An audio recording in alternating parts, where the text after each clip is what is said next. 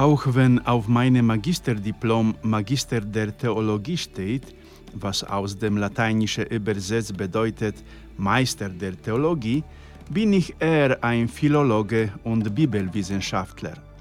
Und diese Wissenschaften gehen nicht unbedingt Hand in Hand mit der Theologie. Ich sage das nicht, um mich zu rühmen, sondern um zu begründen, warum ich mich wieder einmal an Vokabel und Philologie klammere, alles auf Semantik reduziere und auf die Figuren des Jona und der ersten Apostel verweise.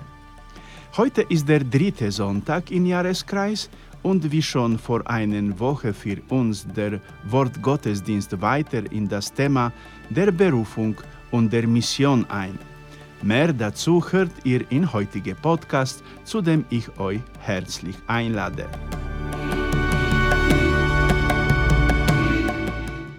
Seit zwei Jahren aufnehme ich die meine Podcasten mit Betrachtungen über Missionstätigkeit der Kapuziner in Indonesien und Madagaskar und auch meistens über die Sonntaglesungen. Ich lade euch herzlich zu meinem äh, Podcast auf Deutsch 2 mission.podbin.com oder auf andere Server ja.podbin.com. Ich lade euch herzlich ein am jeden Samstag ab 12 Uhr.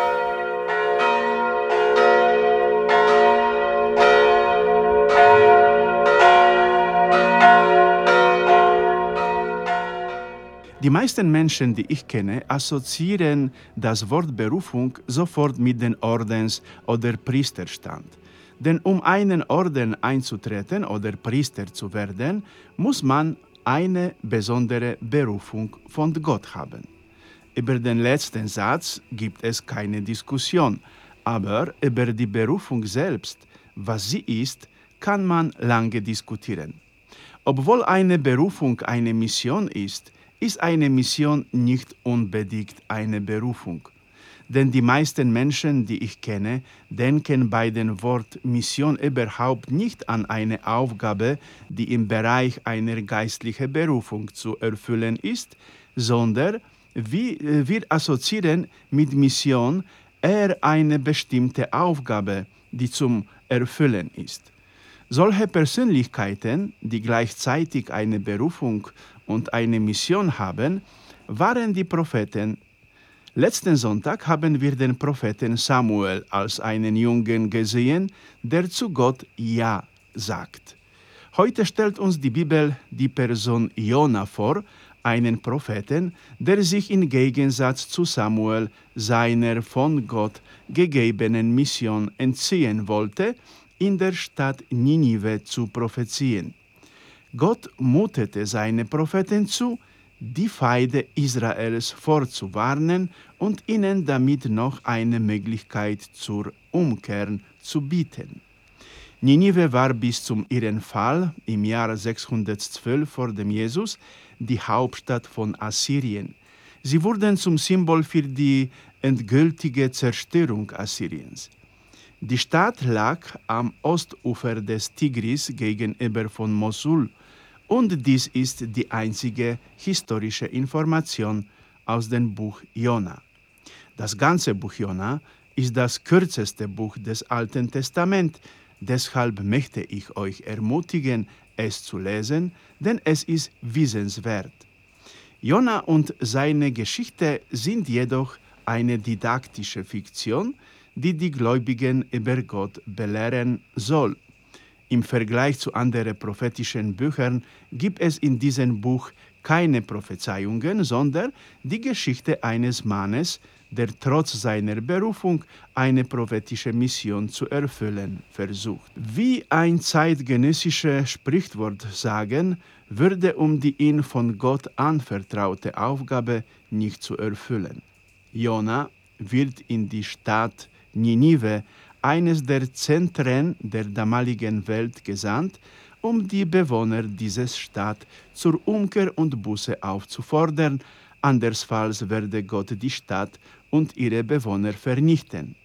Jona hat Angst, diesen Auftrag aufzuführen, denn er befürchtet, dass die Einwohner, die ein ausgelassenes und konsumerinteres Leben führen, ihm titten wollen, wenn er zur Umkehr aufruft.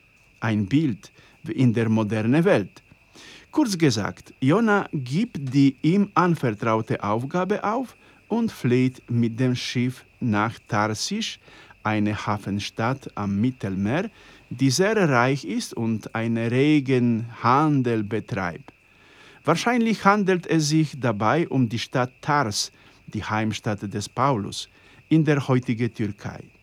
Die Reisenden geraten jedoch in einen großen Sturm und die Seeleute, die erfahren, dass Jona, der von Gott flieht, die Ursache für die Katastrophe sein könnte, werfen ihn ins Meer. Im Meer wiederum verschlingt ein riesiger Fisch Jona. Dieser fürchtet den Tod und bittet Gott um seine Freilassung im Gegenzug für die Erfüllung seines Auftrags. Nach drei Tagen spuckt der Fisch Jona in der Nähe von Ninive wieder aus. Hier ist der Prophet bereits in der Mission, die Umkehr zu predigen.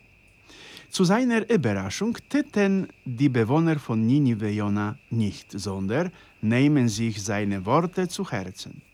Sie tun Buße und ziehen sich in Sake Bußgewänder an und Gott um Vergebung zu bitten und die Stadt und sich selbst vor dem Untergang zu retten.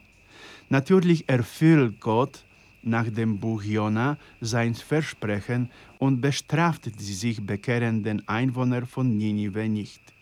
Dieser Midrash, das Buch Jona, soll uns vor Augen führen, dass man sich nicht vor Gott verstecken kann. Man kann sich weigern, den Gott anvertraut Auftrag auszuführen, aber ein solcher Mensch wird nie in Frieden leben und wo immer er sich versteckt, sein Gewissen wird ihm keinen Frieden geben, bis er die ihm anvertraute Aufgabe erfüllt hat.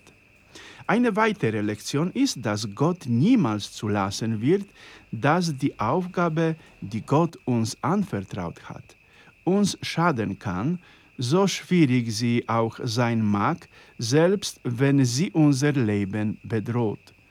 Wenn wir eine Aufgabe nicht erfüllen, kann das den Tod bedeuten, wie das Verhalten der Seeleute zeigt, die von den Fischen verschluckt wurden.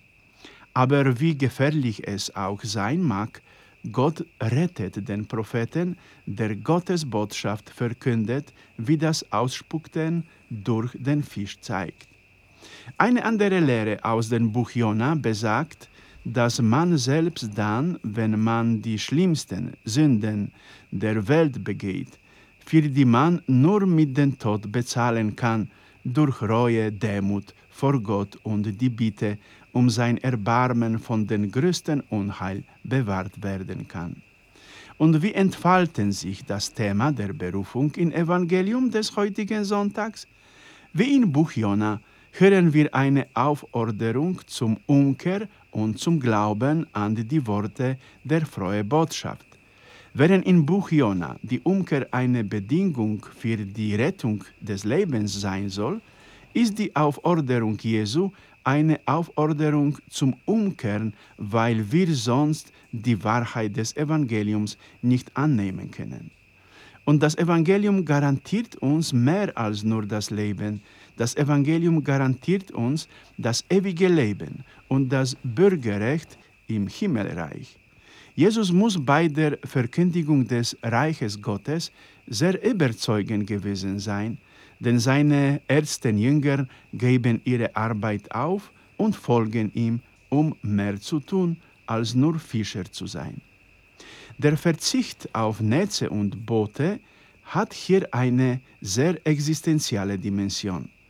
Die Reaktion von Petrus, Andreas, Johannes und Jakobus zeige, dass sie Jesus ernst nehmen und ihr ganzes Leben aufgeben, um ihren Lehrer in ein für die völlig unbekanntes Leben zu folgen. Sie müssen also ein unglaubliches Vertrauen in Jesus gehabt haben. Du Bruder und Schwester wirst dich also nie bekehren können, wenn du nicht auf Jesus und seine Berufung, ihm zu folgen, vertraust. Jemand wird zu mir sagen, na gut, aber ich fühle mich wie weder zum Orden noch zum Priestertum berufen, wie kann ich also berufen werden? Ich habe auch keine musikalische oder Ver verwaltungstechnische Fähigkeiten. Wie kann ich dann eine Aufgabe in der Kirche übernehmen? Du irrst dich, wenn du so denkst. Jeder von uns ist zum Leben berufen. Schon deine Existenz, dein Sein, die Verwirklichung deines Lebens ist deine Berufung und Mission. Und wenn du dies tust, während du noch im Geiste des Vertrauens auf Jesus lebst, erfüllst du eine außergewöhnliche Mission, nämlich Christ in dieser Welt zu sein.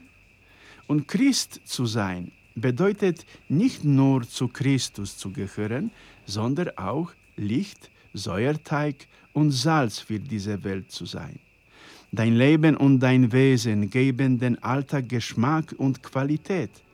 Jeder von uns ist von Gott berufen. Nicht jeder von uns hat die gleichen Aufgaben, aber wir sollen unser Leben mit Integralität führen, erfüllt von Evangelium und in Einheit mit Gott.